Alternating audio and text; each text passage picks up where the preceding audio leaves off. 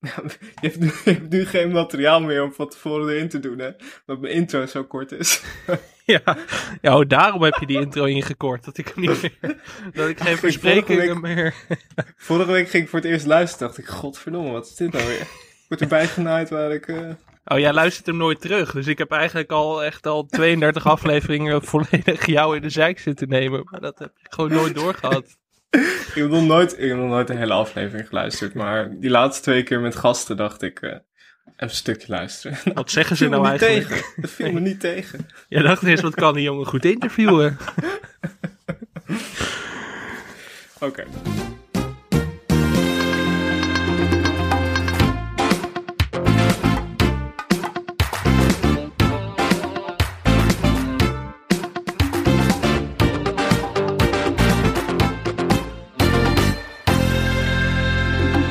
Welkom bij Televisie, de podcast over Nederlandse televisieprogramma's.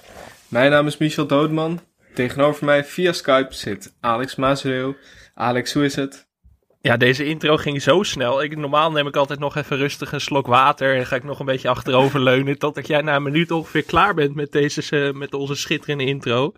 Maar Ja. dit was lekker kort en bondig. Eh, duidelijk ook. We positioneren onszelf nu echt als eh, de Nederlandse podcast over televisie. Dus eh, Ja, je kan er maar beter vroeg nog bij zijn met het claimen. Maar nou, ik zat dus eh, vorige week voor een van de eerste keren dat ik het zelf terugluisterde. En toen dacht ik, er komt geen eind aan het intro. Want kijk, het begon natuurlijk... eh, eerst, we hadden ooit een intro geschreven met als idee... eh nou, we begonnen deze podcast eigenlijk met het idee... We gaan het hebben over oude, vergeten tv-programma's. Toen kwam erbij oude programma's, soms ook met hele bekenden erbij. Dus dat was Mhm. alweer een aanpassing. Toen kwam erbij, ja, soms ook met gasten. En soms ook met programma's van nu. En op een gegeven moment dacht ik ook van, ja, ik zit zo'n hele lap tekst. Er klopt niks meer van. Ik krijg dan de hele tijd vragen. Dan zeggen mensen van, ja, first dates. Maar dat is nog gewoon op tv. Dat is toch Ja. allemaal niet? En dan denk ik, ja, ja, maar als Dus, mensen daar eh, nu over gaan klagen, het is, ook, het is ook gewoon eigenlijk jullie schuld. Want de aflevering over de echt obscure programma's waar we ooit mee begonnen, daar luistert niemand naar. Dus ja, eigenlijk is het gewoon de schuld van de luisteraar. Ik bedoel, wij kunnen er ook niks aan doen. Wij passen ons gewoon aan naar de, naar de wil van het volk. Ja, wij hebben ooit gewoon een heel slecht format bedacht.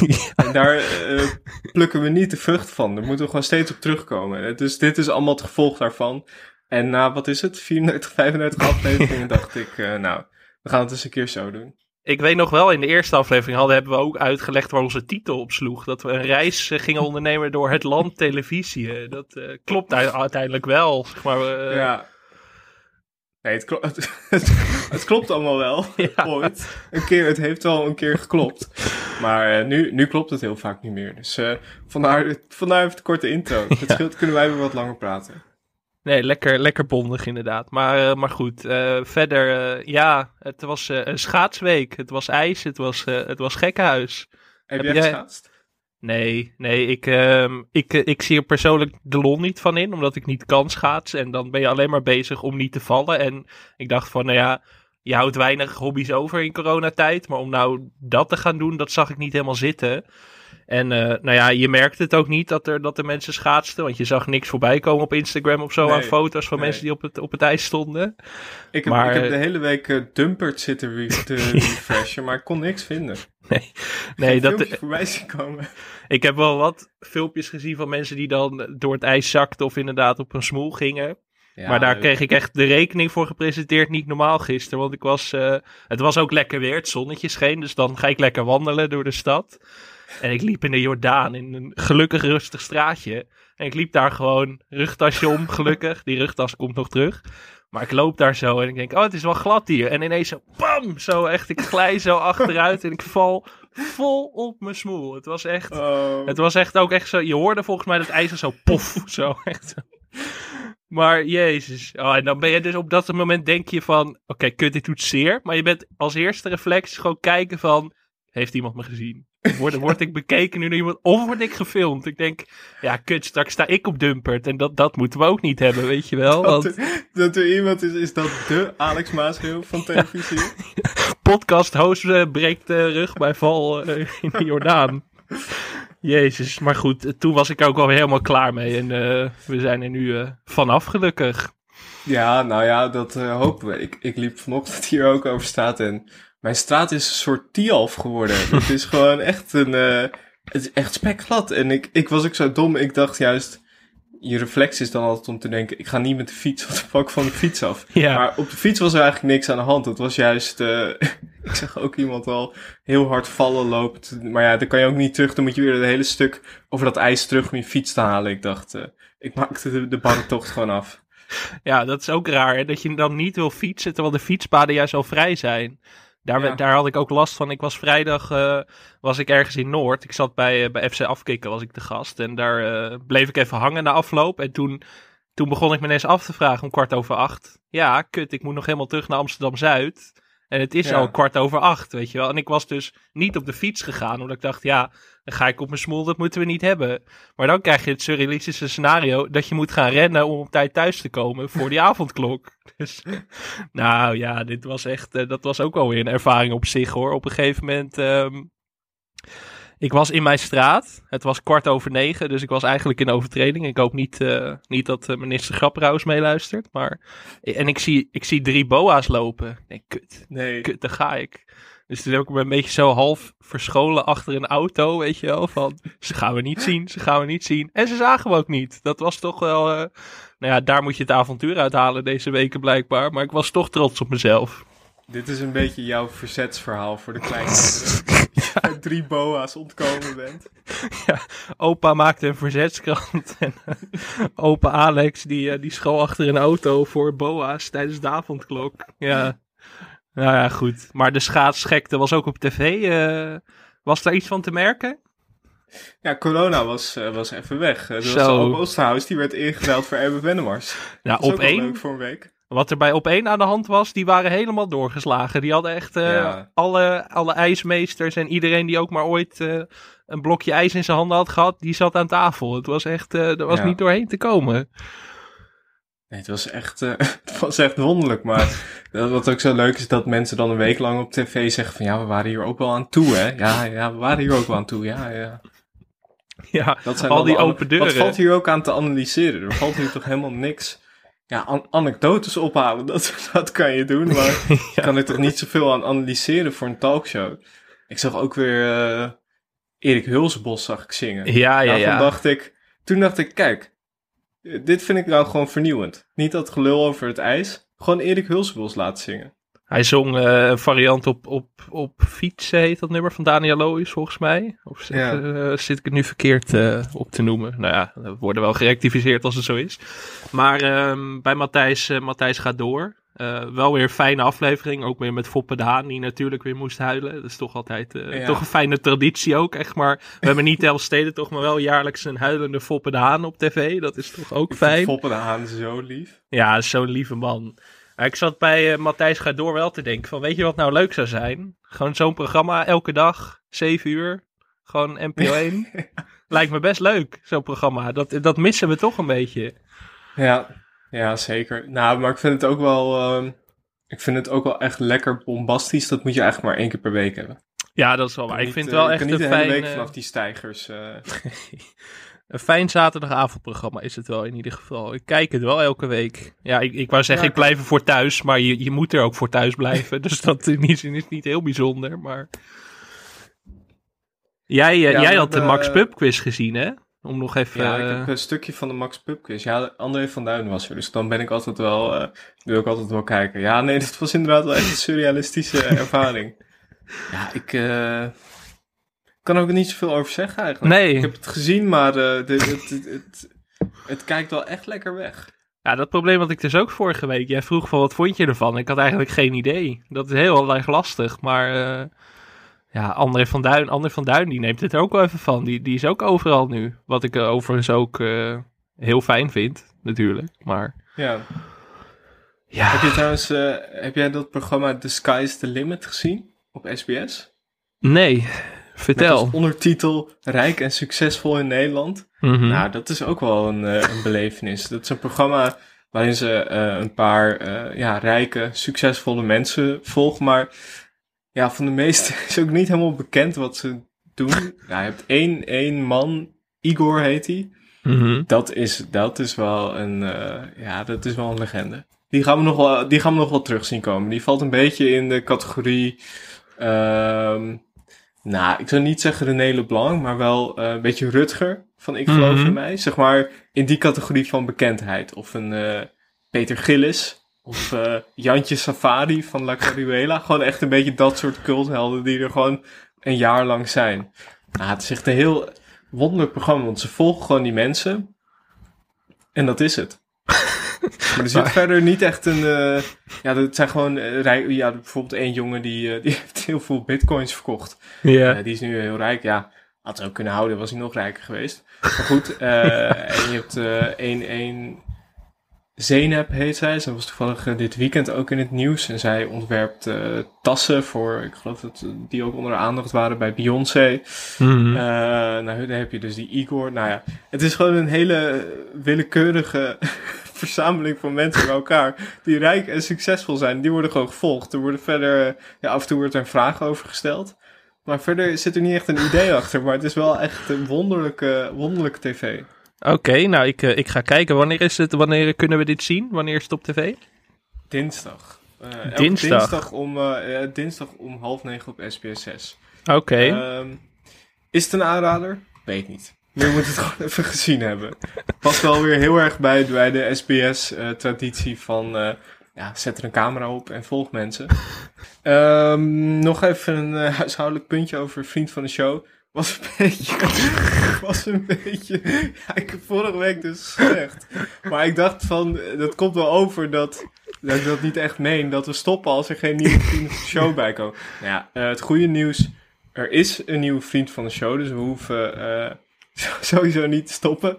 Maar Nou. volgens mij kreeg jij wat bezorgde reacties. Ja, de hel brak los. Mensen zeiden van gaat televisie ermee stoppen en wat, wat gebeurt hier nou en zo. Maar toen zei ik van, het was een grapje van Michel, maar dat, dat grapje landde nog niet, eh, niet Nee. helemaal. ja, er zaten ook zoveel lagen in. Ja, grap. Ehm, maar goed, we hebben een nieuwe vriend van de show, namelijk Rink. Welkom Rink. Die eh, voelde zich natuurlijk onder druk gezet. Die dacht, het zal mij niet overkomen dat straks dat, eh, de- dat die hele podcast stopt. Omdat ik niet eh, gedoneerd heb.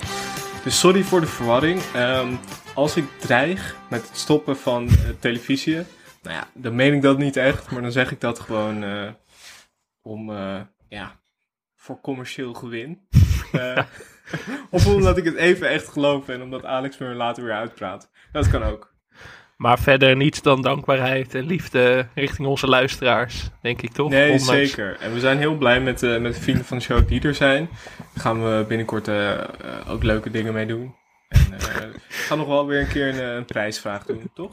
Ja, is goed. En, eh, wat lach je nou? Ja, daar gaan we leuke dingen mee doen. Dat is net alsof we met z'n allen naar Artis gaan als het weer kan of zo. Maar dat, daar- daar wil ik me nog niet aan committeren. Misschien in de zomer, maar eh Ja, voorlopig- het is nog wel een klein groepje, dus we kunnen wel een keer en petit comité naar de Efteling gaan of zo, als jullie dat leuk vinden. zeker. Van, van jullie eh, maken we al het geld in één keer op. ja. Ehm nou ik heb verder ook helemaal geen bruggetje weer. We gaan gewoon even luisteren naar het programma waar we vandaag eh, het over gaan hebben. Namelijk Lama gezocht.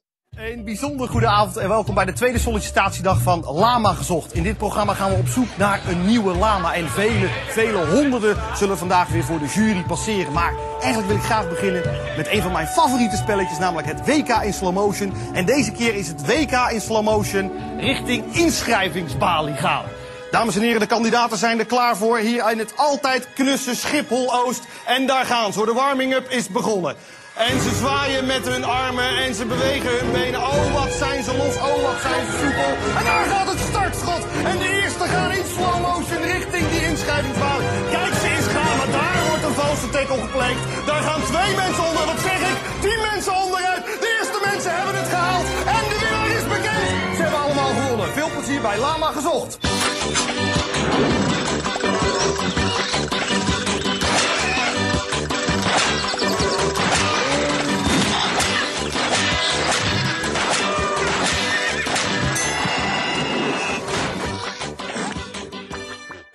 Ja, Lama Gezocht was een zevendelig Nederlands televisieprogramma uit 2007 van BNN, waarin men op zoek ging naar een nieuwe lama voor de komische improvisatieserie De Lama's. Uit bijna 7000 aanmeldingen werd de ideale lama gekozen. Het programma werd gepresenteerd door Patrick Lodiers met behulp van Filemon Wesseling tijdens de voorrondes. En uh, leuk om te zeggen, jury, of een van de juryleden was Arjen Lubach. En uh, een van de finalisten was Rob Kemps van de Snolbolletjes en uh, de winnaar van de slimste mens van dit jaar. Ja, Rising Star ook wel door Rob Kemps. Rob Kemps is overal nu, dus dat, dat leek ons een mooie aanleiding, of dat leek mij in ieder geval een mooie aanleiding om terug te blikken op dit programma. Ik kon me er nog wel vaag wat van herinneren, maar ik dacht van, het is weer zo'n gekke curiositeit uit de jaren nul of zo. Dus ik denk, dit moeten, wij, uh, dit moeten wij een keer uh, onder de loep gaan nemen. Het is ook wel heel lang geleden, 14 jaar geleden. Ik had in mijn hoofd was de hele Lama-periode was, uh, wat recenter. Nou, het is natuurlijk ook wat later pas gestopt. Mm -hmm. Maar ik wist niet dat het al zo lang geleden was. Er staat me inderdaad ook nog wel vaag iets van bij. Ja, we gaan het straks analyseren. Maar echt een hele wonderlijke, wonderlijke bedoeling. Het bestond in ieder geval uit dus zeven afleveringen. Je had uh, drie voorrondes, uh, drie tussenrondes en een finale. En uh, in de voorrondes moesten de, de potentiële lama's in groepjes van vier voor een kleine publiek en de, en de jury kort laten zien wat zij konden. Dat was, uh, geloof ik, bij een hotel in de buurt bij Schiphol, waar uh, al die mensen naar binnen werden gelaten. Het, het, waren er dus bijna 7000 die zich hadden ingeschreven en uiteindelijk waren het er, ik geloof, een stuk of 1200 die ook daadwerkelijk waren opkomen daar. Ja, dat las ik dus ook. Dat ik dacht, nou, waren dat dan mensen die waren opgegeven of gewoon uiteindelijk toch toch podiumangst op het laatste moment. Ja, toch veel mensen die denk ik uit een soort van uh, stoerdoenerij meededen. Mm -hmm. Misschien ook wel, ik weet niet of er, uh, ik zag geen kinderen die meededen. Er zal wel een leeftijdsrestrictie van je moet uh, boven de 18 zijn. Dat lijkt me ook wel verstandig, ja. Voor kinderen zich hadden ingeschreven. Ja, maar ja, op zich wel goed met mensen, dat mensen die zelfkennis toch op tijd hadden. Dat ruim 5000 mensen die zelfkennis toch nog hadden. Want ja. uh, nou, we komen er straks nog op terug. Er waren veel mensen met zelfvertrouwen die meededen aan dit programma.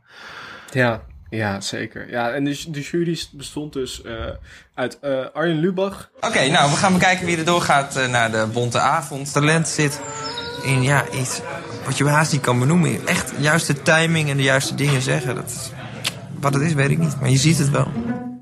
Justus van Oel, Ellemijn Veldhuis van Zanten en uh, Alexander Nijboer. Um, en het werd dus gepre uh, gepresenteerd door Patrick Lodiers en uh, Filemon Wesselink. Ook wel echt zo'n jaren nul duo. We hebben het daar vorige ja. week al een beetje over gehad. Ook alweer typisch BNN dit. Ja, zeker. En Filemon die ook nog bijna geen haar had. Dus het was ook weer even een... hij was bijna helemaal kaal. Het was even wennen. Maar echt een, echt een BNN-duo inderdaad uit de jaren nul in navolging van uh, Valerio en uh, Dennis. Ik wou Valentino zeggen, maar zo heet hij helemaal niet. Um, dus ja, maar sowieso um, eerst maar eventjes, want ze gingen op zoek naar, naar Lama en dat zou dan de opvolger van Sarah Kroos en Arie Komen worden, toch? Goed begrepen. Ja, en uh, volgens mij is toen hebben ze uiteindelijk, ja, dat wist ik al helemaal niet meer, maar Jan Dino was er toen al bijgekomen en Jeroen van Koningsbrugge. Dus volgens mij was oorspronkelijk het idee dat ze op zoek waren naar twee nieuwe lama's. En uh, toen werd er één en toen hebben ze een, een dagblad advertentie uh, geplaatst. En er kwamen zoveel reacties op dat ze uiteindelijk toen besloten hebben om er een tv-programma van te maken.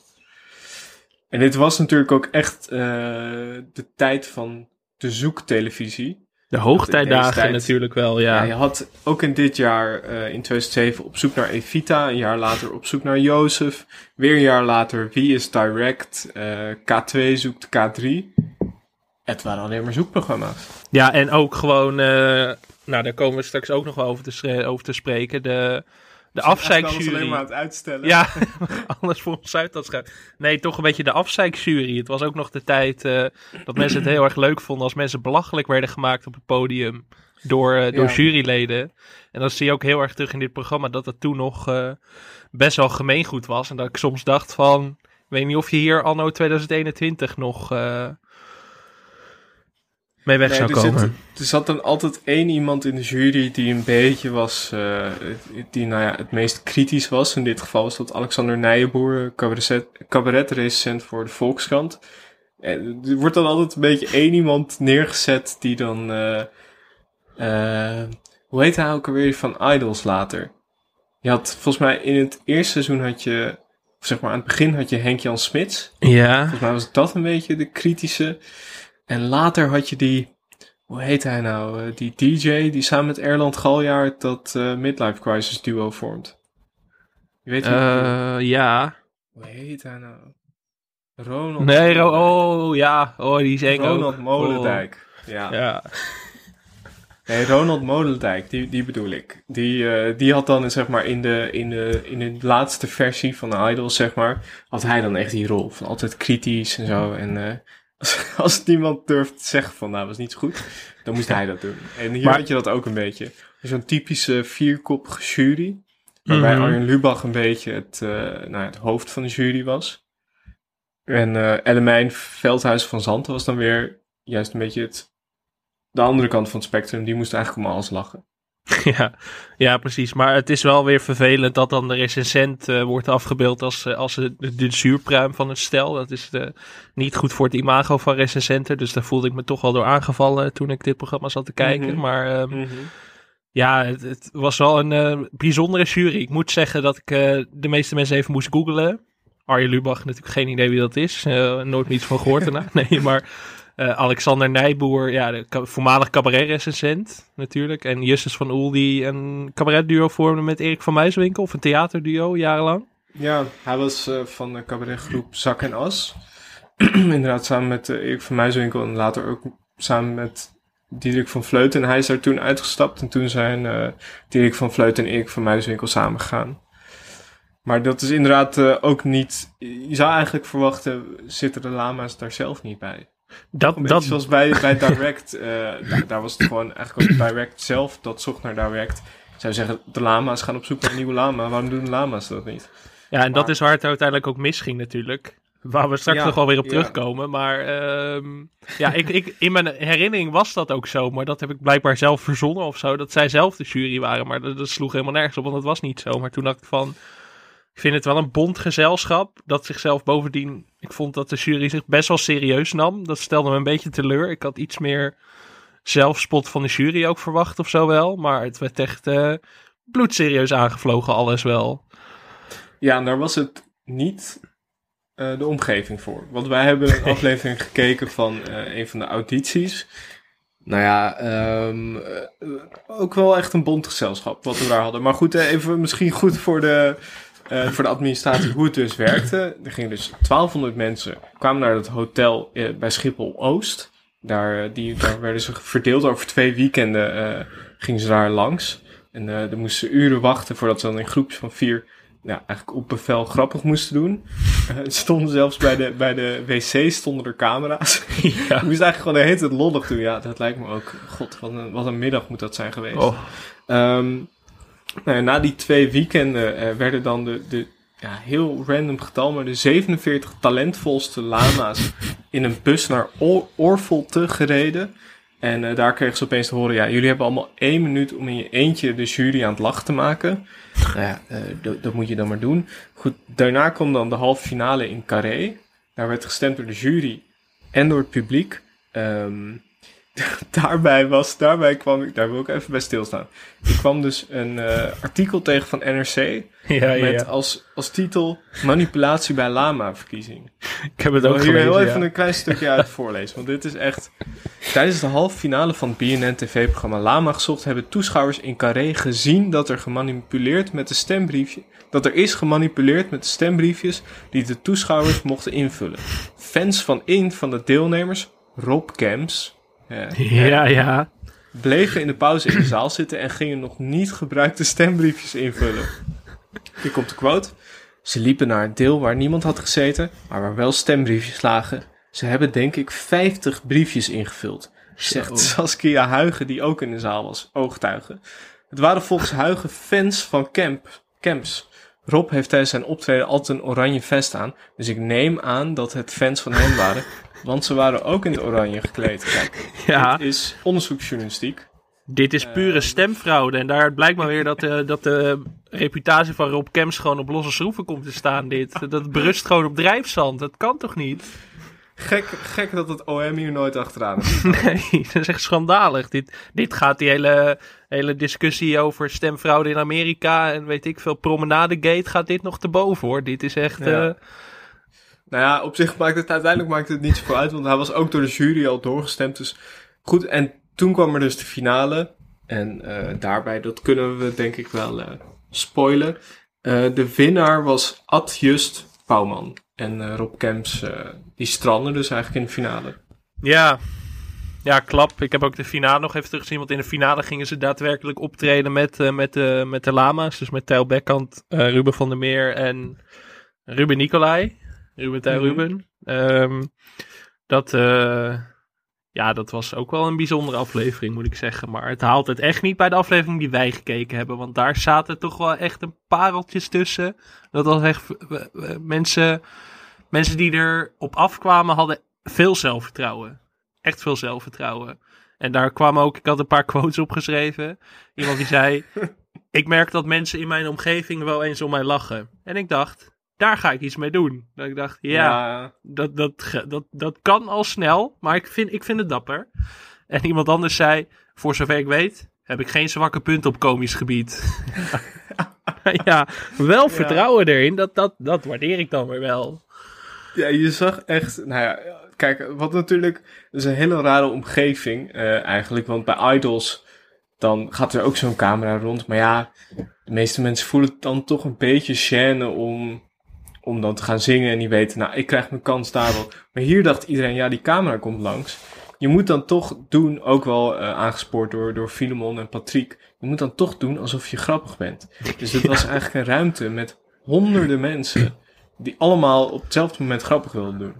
En dan eh, krijg je gewoon mensen die Bob de Roy gaan nadoen. Zo. Eh, ik zag, Wel ik goed, wel een iemand- goede imitatie van Bob de Roy, moet ik zeggen hoor. Ik vond hem, eh Ja, vond hem ik best oké. dat- ja, maar ik denk dat het dieptepunt was dat iemand Adolf Hitler ging. Zo, ja.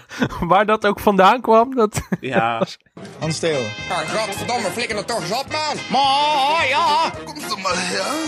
Kom toch maar. de mensen zeggen van, eh, ja, je bent gewoon niet goed, maar ik maak wel hele leuke grappen. En anders dan eh, gaan ze maar lekker dood allemaal. Maar... Met de bus en toen kwam er iemand op zo'n brommetje aan te tiffen. Ali B, doe met je mee. Yo, sing, ik kom uit Almere en eh het is kut met peren.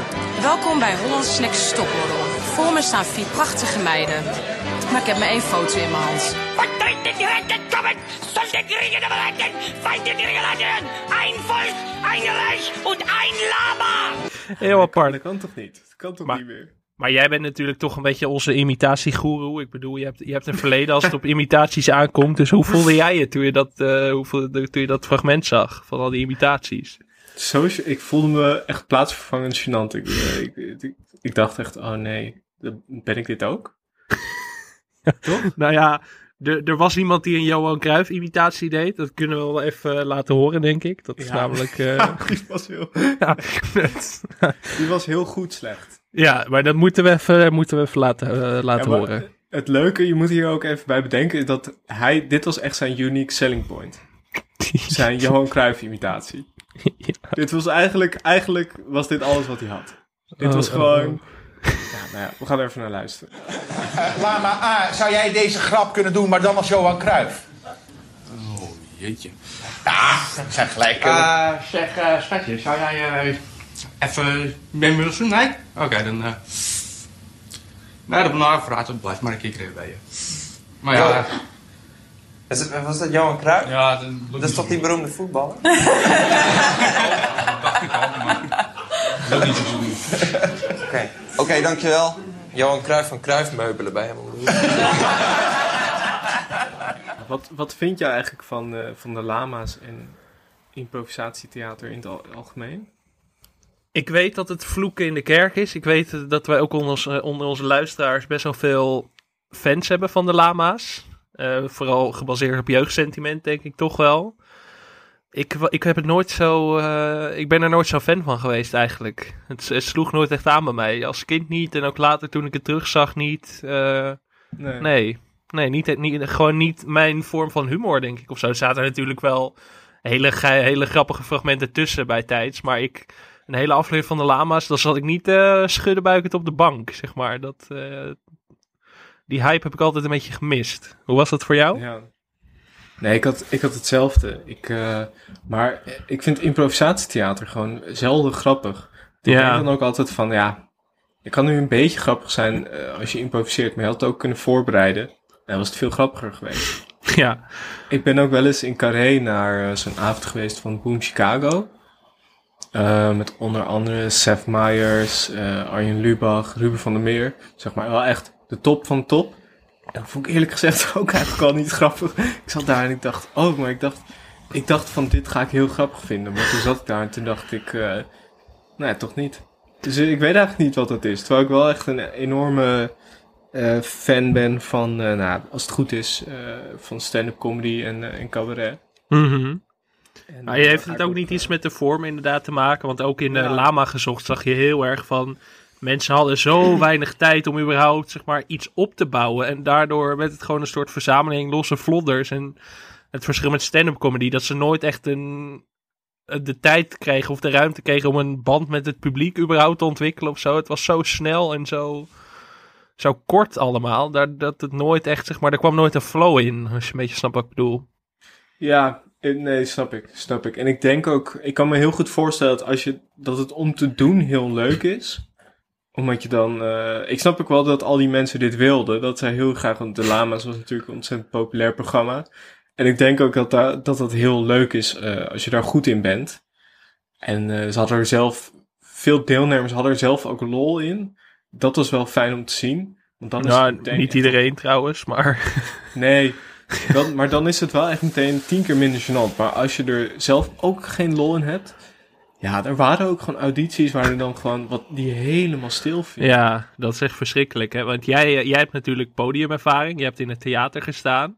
Heb jij vaak, eh, nou dat is een beetje een lullige vraag misschien, maar heb je vaak momenten gehad dat het helemaal stil viel? Of, eh, Nou, we hebben, zeg maar, naarmate de tijd vorderde... Ik, ik was dan, zeg maar, bij Trials Duo op.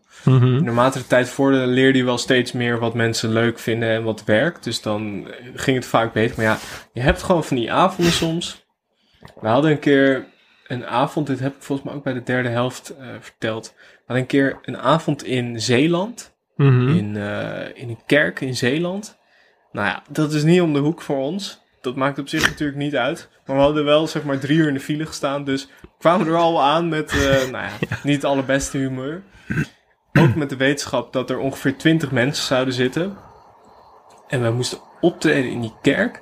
En we kwamen binnen en er zaten dus twintig mensen verspreid over die hele kerk. wel coronaproof af van la lettre in ieder geval. Maar, Ja, het was steenkoud daarbinnen, dus iedereen had zijn jas aan.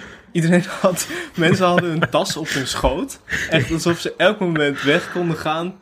Nou, en dan komen er eh, twee eh, jonge jongens die eh, een beetje grappen gaan doen met van die sketches. En volgens mij, ik zag ook echt, het waren ook, nou ja, dat is natuurlijk ook wel vaak een ding. Ehm, in theaters zitten vaak wat oudere mensen ja.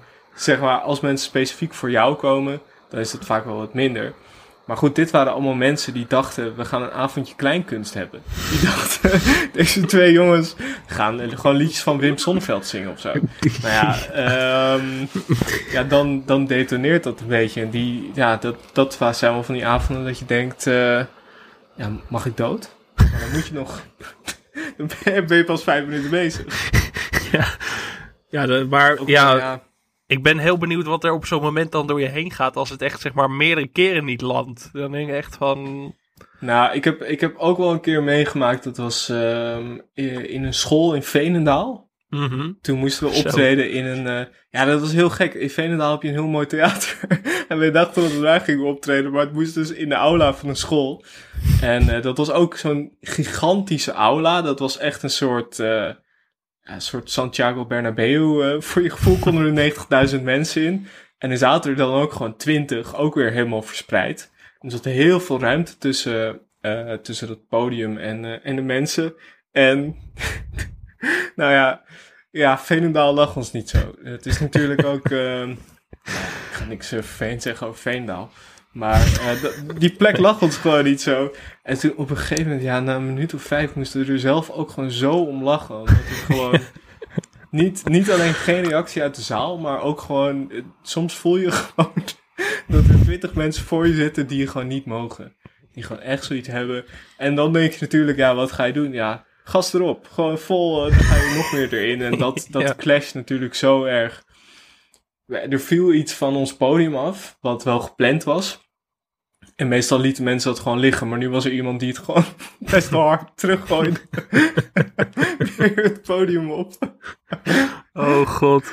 Ja, dus... Uh, nee, dus dat, die, die, dat voelde ik allemaal wel weer een beetje terugkomen. Soms heb ik ook... Uh, ik zat ook te kijken naar het lama gezocht. En soms dan kwam er opeens gewoon zo'n plaatsnaam terug in mijn hoofd. Dat ik opeens dacht, ja, Boksmeer. Toen voelde ik dat ook. Gewoon een soort PTSS bij willekeurige plaatsnamen. ja. Soms, heb, soms heb je dat. Dan sta je gewoon onder de douche en dan denk je... Nieuwe Sint-Joosland. Ja, jezus, dat hebben we ook nog gedaan. Jezus, wat een ervaring. Zou je het uh, ooit weer willen doen, denk je? Um, ja, ik denk het wel. Het is, het is wel echt gewoon... Uh, nou, ik denk een, een jaar geweest waarin we echt veel, uh, nou iets meer anderhalf jaar waarin we echt intensief veel hebben opgetreden. Mm. En ja, kijk, uh, het, het grootste gedeelte was natuurlijk super leuk daarvan. Maar ik vertel altijd alleen verhalen waarbij het, uh, waarbij het fout ging. Maar over het algemeen is het natuurlijk heel erg leuk. Alleen is het, ja, dat reizen, dat is natuurlijk ook wel echt een ding. Vooral als je daarnaast nog werkt en studeert. Kijk, als je dat fulltime kan doen. Uh, kan me voorstellen dat het heel leuk is, maar als je tot uh, vijf uur, uh, zes uur aan het studeren, of nou eigenlijk eerder, als je tot drie uur aan het studeren bent en je moet dan snel in de auto naar weet ik veel waar, en dan de volgende dag weer, en dan, ja, dan, dan weet je op een gegeven moment ook niet meer waar je staat. dan denk je, is dit nou Hengelo? Of? Maar um, moest, je, moest je wel eens improviseren of hadden jullie alles tot in de puntjes voorbereid? Nee, we moesten wel eens improviseren. En we hebben, ja, soms word je er ook gewoon, soms, wat wij toen, wij waren toen heel erg aan het try-outen. Dus dan, elke avond doe je ook nieuwe dingen. Soms vergeet je ook gewoon wat je dan die middag geschreven hebt. Mm -hmm. En uh, ja, het is ook wel eens voorgekomen dat ik gewoon mijn tekst kwijt was. En dat ik daar zo, ja, dat we gewoon zo hard moest lachen en een slappe lach kreeg. En dat eigenlijk het publiek helemaal mee ging doen. Maar dan ja, heb je twee minuten slappe lach gehad, dan denk je, ja, waar zijn we eigenlijk? we moeten nog twintig minuten. ja, Oh. soms, ja, nee, ja, maar goed, we, hebben- we hebben nooit echt ingespeeld op het eh, improviseren van opkomen en, eh, en niks voorbereid hebben. Want ja, daar, ja, dat zag je, dat zag je ook, om maar even weer terug te komen bij Lama gezocht. Ja, soms zie je dan ook dingen, kijk, soms komt er iets heel leuks uit.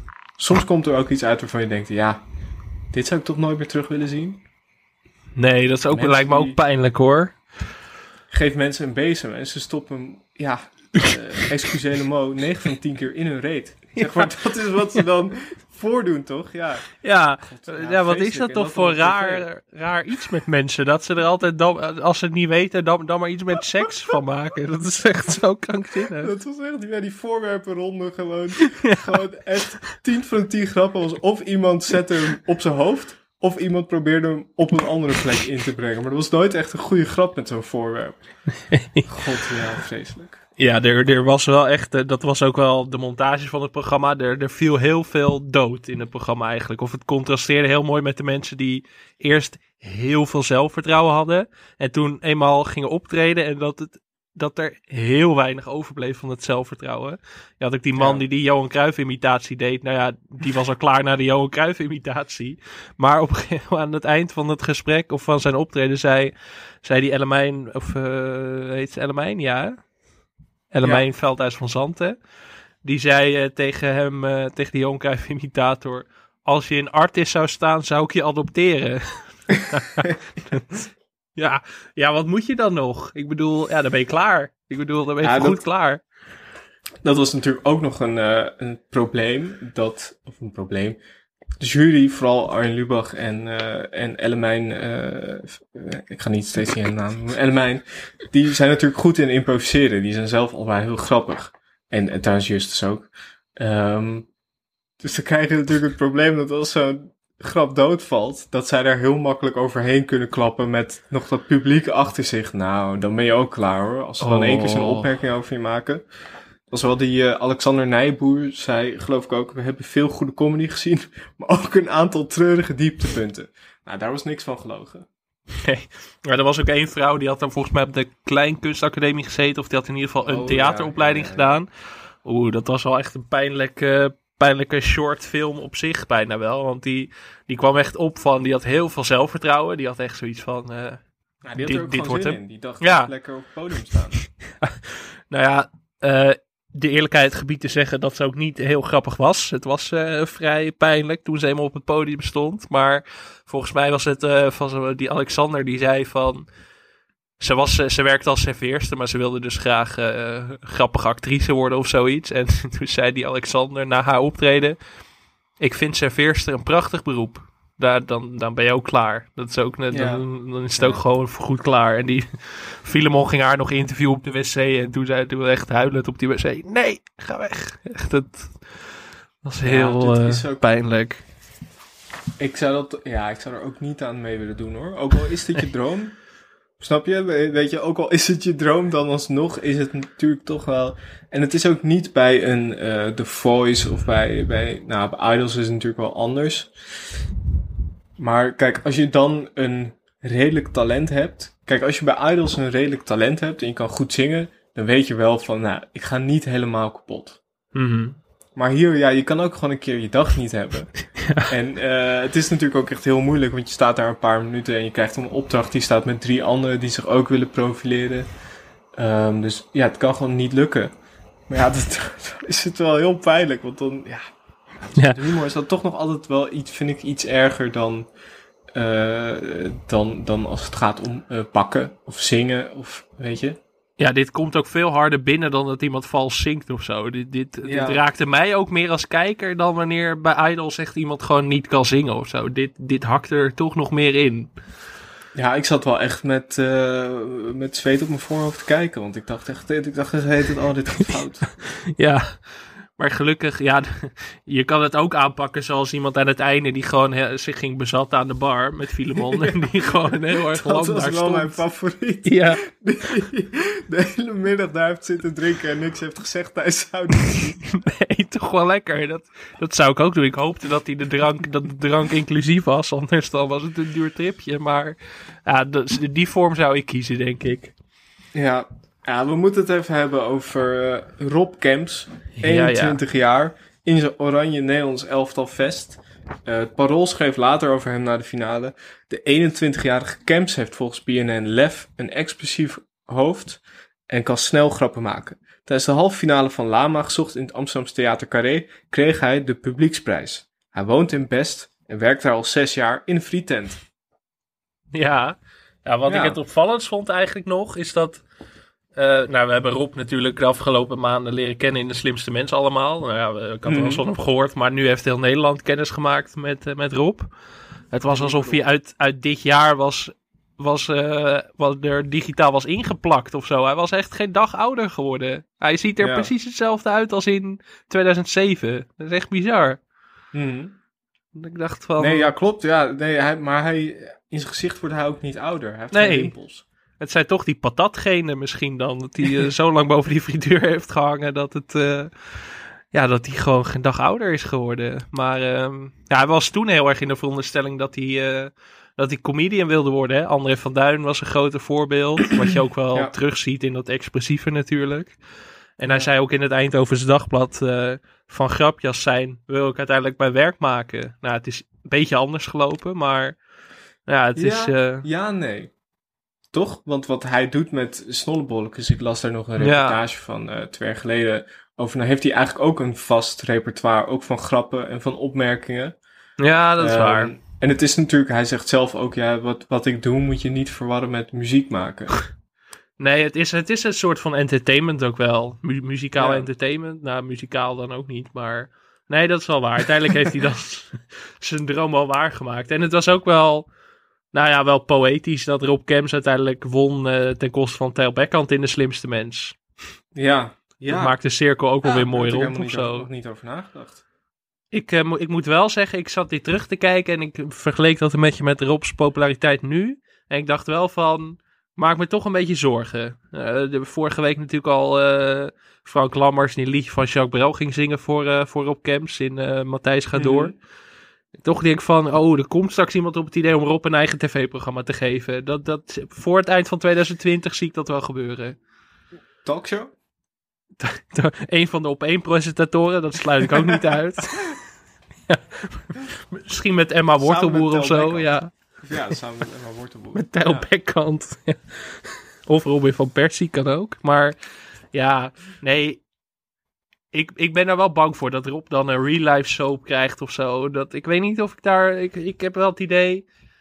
Rob is gewoon Rob en dat blijft Rob. Maar Rob moet wel Rob blijven. Ja, mooi gezegd. Poëtisch. Ja, maar kijk, dat is, dat is met, eh, of het nou gaat om Rob Kemps of René Leblanc, je moet ze ook loslaten. Ja, Ze moeten en daar de wereld in. Ja. En eh, ja, het is, het is eh, uit onze handen nu, toch? Ja, We kunnen er, we kunnen er niks meer aan doen. nee, maar tv-makers gewoon... Ja, let Rob be Rob, zou ik willen zeggen. Nou, het is, het is natuurlijk ook gewoon, eh, kijk, als de corona, eh, coronamaatregelen nu opgeheven zouden worden, dan zou Rob gewoon weer lekker met snollebolletjes het land in gaan. Maar ja, dat gaat nog wel even duren voordat hij weer in een vol eh, Gelderdoom kan spelen. Dan kan ik het hem vanuit zijn oogpunt ook wel voorstellen. Dat hij op een gegeven moment denkt, ja, ik heb nou anderhalf jaar eh, niet opgetreden. Niet die, eh niet die optreedinkomsten. Ja, we moeten toch wat anders gaan doen. Ja, de- vanuit zijn perspectief snap ik het ook wel. En misschien zit hij ook wel helemaal niet te wachten eh, daarop. Maar ik, nou, we hadden het er vorige week al eventjes over. Je hebt, je hebt altijd zeg maar een beetje de nieuwe lievelingjes van de media. Nou, René Leblanc was daar een perfect voorbeeld van. Het kan ook snel uitmelken worden. Ik moet zeggen, Ja. dat, dat ligt altijd op de loer. Maar ik, nou, als ik Rob zo zie, Rob is wel gewoon Rob gebleven de afgelopen 14 jaar in ieder geval. Ik Ja, ben benieuwd eh, waarop over 14 jaar staat. ja toch een soort eh, Matthijs gaat door achter programma. De anchorman van NPO 1, wie weet. ja, ik zie, het, eh, ik zie het wel voor me. Ik vond het wel leuk dat ik door dit programma werd ik wel weer helemaal teruggezogen in 14, 15 jaar terug. Met, met die kapsels met veel gel en al die Jamai brilletjes. Ja, ik, echt, eh, wat dat betreft is het leuk om Rob te zien, omdat die als enige eigenlijk al een, eh, een beetje een 2021 bestendig eh, ja, uiterlijk had. nou, gewoon heel goed bestand tegen de tand destijds eigenlijk. Ja, perfect. Perfecte voorbeeld daarvan. Ik bedoel, Als je hem zou opgraven over duizend jaar, ziet hij er nog hetzelfde uit. ja, dat is toch wel lekker. Maar goed, ik wil verder niet te veel over andermans kapsels zeggen in deze tijd. Dat, eh, Nee, dat, nee. Eh, Lijkt me ook beter van niet. Ja, de winnaar was dus eh Adjust Bouwman. Ehm ja, ik las ergens. Er stond ergens. In de tv-talentenjacht maakte hij furoren door de geboorte van Bambi goed te kunnen naspelen. Nou ja, ook talent. ja, ja, nou, je ziet waar het je brengt uiteindelijk. Ik bedoel, eh, ik kan dat niet. Ik, het is toch een Nee. kwaliteit. Misschien, eh, misschien moeten we maar eh, alvast dan naar de nazorg. Want we kennen Adjust Bouwman nu als... nou, hij, is acteur, onder andere in Soldaat van Oranje en Onderweg naar Morgen. Maar ook van de Corendon reclames. Echt? Is hij Ja, dat? Hij is, hij is Core of Don. Wow. Ik weet even niet wie. Nee, jeetje. Oh, dat was me niet eens opgevallen. Ja, Jeetje, wat een shock dit. Ik ben er even stil van. En ja, dus maar hij heeft uiteindelijk eh, is hij toch meer de acteerkant op gegaan dan echt eh, de, de cabaret-comedy eh, kant. Voor zover ik het kon Ja, het is wachten op een gastrooi flikker Maastricht, zou je haast zeggen. Maar ehm, Ja. ja, het is wel, het is, wat daar hebben we het helemaal niet over gehad. Maar uiteindelijk was het dus het idee dat ze gingen kijken of, of de winnaar van dit programma in het programma zou passen. Ja, bij de lama's. Ja, precies. Dat hij langzaam wordt ingepast. En als de makers een klik voelen, dan eh, wordt hij of zij lid, lid van het vaste team. Dat is niet gebeurd. Volgens mij eh, heeft hij uiteindelijk één aflevering meegedaan. Ja, nee, er was uiteindelijk geen, eh, geen klik. Zei. Nee, en om de dikke Robin van Persie even te quoten, die zei: Het collectief is te hecht. Dus da- daar kwam Ja. gewoon niemand meer tussen. Wat ik ook wel snap, overigens, want het is natuurlijk. Ze deden op een gegeven moment met z'n vieren, dus Jeroen van Koningsbrugge en Tijl, Ruben en Ruben. Lijkt me ook heel moeilijk om daar, zeg maar, als je eenmaal een soort van dynamiek hebt, dat, daar, dat het daar moeilijk tussenkomen is. Ja, nee, dat denk ik ook. Maar daarom, juist daarom vond ik het wel frappant dat zij niet bij die voorrondes erbij zaten. Mhm. Om, maar misschien, misschien was dat ook wel een beetje omdat dat toch wel erg intimiderend kan zijn. Kan ik me Ja. voorstellen. Als zij niet lachen, dan is het nog wel extra pijnlijk. Ik bedoel, Ja. De jury die er nu zat, eh, was niet echt eh, dat je denkt, nou... Ja, Alexander Nijenboer heeft niet om me gelachen. Nou ja, dat, dat is niet per se Nee. eh, niet heel erg. Nee. Arjen Lubach wel, met terugwerkende kracht. ja, ja. Toen misschien nog niet heel erg, maar nu wel. Ik moet wel zeggen, als je de Lubach uit 2007 vergelijkt met de Lubach uit 2021, die is wel veranderd in de loop der jaren. Ja, zeker. Jeetje, hij is- heel jong, hè? Ja, maar hij zag er ook gewoon een beetje uit als het gereformeerde broertje van Rutger Bregman of zo. Het was, eh, het was wel echt... eh, ja, hij zag er wel echt gewoon... Nou, die krijgen we nou, ook nooit meer als gast. Nee, jawel joh. Arjen. Nee, maar eh, hij wa- dat was wel echt lang geleden. Maar het was ook grappig om, om dat nu terug te kijken met een soort van de, de kennis van nu. De staat van nu. Zeker. Ja, het is En, wel eh, bijzonder. Ik denk dat hij zelf ook niet verwacht had waar hij zou staan over 14 jaar. Nee, nee. Destijds. Toch uiteindelijk eh, van al die mensen bij de auditie heeft hij toch de mooiste carrière daar Ja. weten te slepen. Trouwens, de derde, eh, de derde finalist was eh, Alain Rinkhout. Een Vlaamse, Vlaamse man, Vlaamse acteur die onder meer in Mega Mindy nog heeft gespeeld. Ja, ik wil het eigenlijk niet over Belgen hebben in deze podcast, maar leuk voor Alain. nee, nee, Nee? Mega Mindy heb ik even overgeslagen als je het niet erg vindt. Ik weet niet of jij een trouwe kijker was, maar... Nee. Nee. Nee, ik heb dat ook een beetje gemist. Maar hij speelde ook in onder andere Wietse. Wietse? Oh, zo. Hoe, eh, ja, eh, classic. Je weet wel wat ik bedoel. Vlaamse Nou ja, classic. Connie, Connie en Clyde 2. De kroongetuigen. De avonturen van Lolly Lolbroek. Ja, een beetje dat werk. Maar uiteindelijk zijn ze alle drie toch wel eh, best wel goed terechtgekomen. Want meestal bij die talentenjacht eh hoor je er wel echt weinig meer van. Maar ze hebben allemaal in ieder geval wel een, eh, goede carrière in de showbiz. Niet Ja, sommige van hen zijn in zekere zin eh, bekender geworden dan de juryleden. Dat is toch ook wel weer ironisch Ja, eigenlijk. Zeker, zeker op Camps. Ja, dat, dat vind ik dan toch wel weer mooi eigenlijk. Want nou, Justus van Oel heeft in 2016 nog samengewerkt met Erik van Muiswinkel. Mhm. Werd niet heel goed ontvangen, die show volgens mij. Nee. Eh Elemijn Veldhuis van Zanten, die kende ik wel, moet ik zeggen. Ik had haar wel gezien. Ik heb vroeger in een, in een van mijn rare kinderkronkels de serie Zonder Ernst heel vaak gezien, waarin zij speelde. dat is echt, nou ja, ik, ik weet niet wat daarvan overblijft als ik dat weer zie, maar... eh, daar, en zij zat ook, had nog een gastrolletje in Flikken Maastricht, natuurlijk. Want dat heeft elke Uiteraard. actrice die we op een gegeven moment bespreken. En Alexander Nijenboer, die is inmiddels eh, ondernemer, actief in de commerciële marketing. Dus die, Ja, eh, com- commercieel directeur, zie ik. ja, dus die heeft niks meer met de journalistiek te maken. Nee. Wel drie gedeelde connecties op LinkedIn. Zo, ja, ja, ja. Dus we zijn maar één handdruk verwijderd van het jurylid van eh, Lama gezocht. Wat een eer, wat een eer. Maar al met al, eh, wat, wat vonden we ervan? Heeft dit tand destijds doorstaan? Ik moet zeggen, ik vond het een, een curieus programma wel. Ehm, ik weet niet of het- Twitter noemde het een koortsdroom. Ja, ja daar, ga ik wel mee. ja. ja, ik weet het niet zo goed. Het is eh, ja, wa- wat NRC dus omschreef als auditieleedvermaak tv. Dat is wel echt iets, een beetje van die tijd of zo. Dat was een korte Mhm. hype met idols en dat was toen heel leuk. Maar ik, ik keek er in dit geval wel echt met plaatsvervangende schaamte naar. Ik, ik vond het op sommige momenten best wel grappig, maar eh, ik had er ook wel kippenvel van op sommige momenten. Dat ik dacht, oeh, ook een beetje akelig of zo. Ja, dat vond ik ook. Ik vond het een beetje een naargeestig programma. Ja, dat. Het was, eh, nee, ik, ik vond het ook, ja, dat hele...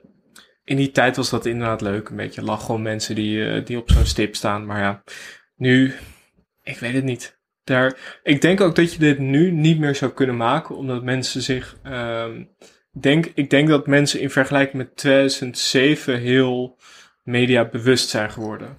Zeker. Door, eh, door social media, door überhaupt denk ik ons eh, mediagebruik. Ik ga er niet een hele media en cultuur eh, bachelor eh, praatje van maken. Maar ik denk, ik denk wel echt wel dat het meespeelt. En ik denk niet dat mensen zichzelf ehm, nog makkelijk voor schut laten zetten. Natuurlijk uitzonderingen daar gelaten. Tenminste, niet meer op deze schaal. Ik denk niet dat je 1200 mensen gaat vinden die helemaal een soort van eh, zenuwachtig worden van een camera. En nee, volgens mij gaan mensen daar nu anders mee om en hebben, ze- hebben die zoiets van ja. Ik ben het gewend om voor mijn eigen camera te staan. Precies. En ik heb eh, zelf een publiekje via Instagram of via eh, Facebook of Twitter. Ja, en er zijn TikTok. natuurlijk al eh, ook, eh, nou ja, ook een beetje de gekkies. Ik bedoel, er zijn genoeg gekken op tv tegenwoordig. Dus da- daar kun je ook eh, genoeg plezier aan beleven. Ja, ja het, is ook, het is ook niet meer nodig of zo, toch? Nee. Dus ik denk dat dit. Eh, ik twijfel of het de tand des tijds helemaal doorstaan heeft. Maar ik, ik zou zo'n programma ook niet meer terugzien of zo. Maar misschien heeft dat er ook mee te maken dat ik gewoon. Dat genre improvisatie-tv ligt me ook gewoon niet zo. Dat is gewoon niet echt mijn smaak. Een paar jaar geleden had je dat wel heel veel met een grote improvisatieshow en eh, alles mag op vrijdag en dat soort dingen. Maar dat zie, je, dat zie je inderdaad eigenlijk niet meer. We zijn toch meer een beetje richting de spelletjes en het... nou, daar ben ik dus wel, daar ben ik ook wel weer benieuwd naar. We hebben daar vorige week al over gehad. Nu kijken wij terug op eh, die periode als de periode van zoektelevisie. Maar hoe gaan we terugkijken op deze periode? Ik denk dat dit een beetje de periode ja, van, de, van het babbelen is. Van eh, heel veel talkshows, heel veel napraten, voorpraten. Ja, iedereen een eigen praatprogramma bijna, toch wel? Ik bedoel, Ja. eh, we hadden het vorige week over Calvijn, die nu een talkshow krijgt op NPO 3 volgens Mhm. mij. Dus eh, nou ja, op één heeft eh, een, een talentenpool van 40 presentatoren zowat of zo. het is wel echt hebben overal... een jeugdopleiding hebben die. Het is de beste jeugdopleiding van Nederland. Een soort Seburgia van de televisiejournalistiek. Nee, ehm, ja, ik denk ook wel dat dat blijft hangen. Gewoon het gelul de hele dag door, eigenlijk. Ja. Het is Maar goed, meer... dat is ook wel weer fijn. Het is ook een fase, denk ik. Ja, Of niet? ik hoop ook dat het wel weer voorbij gaat op een gegeven moment.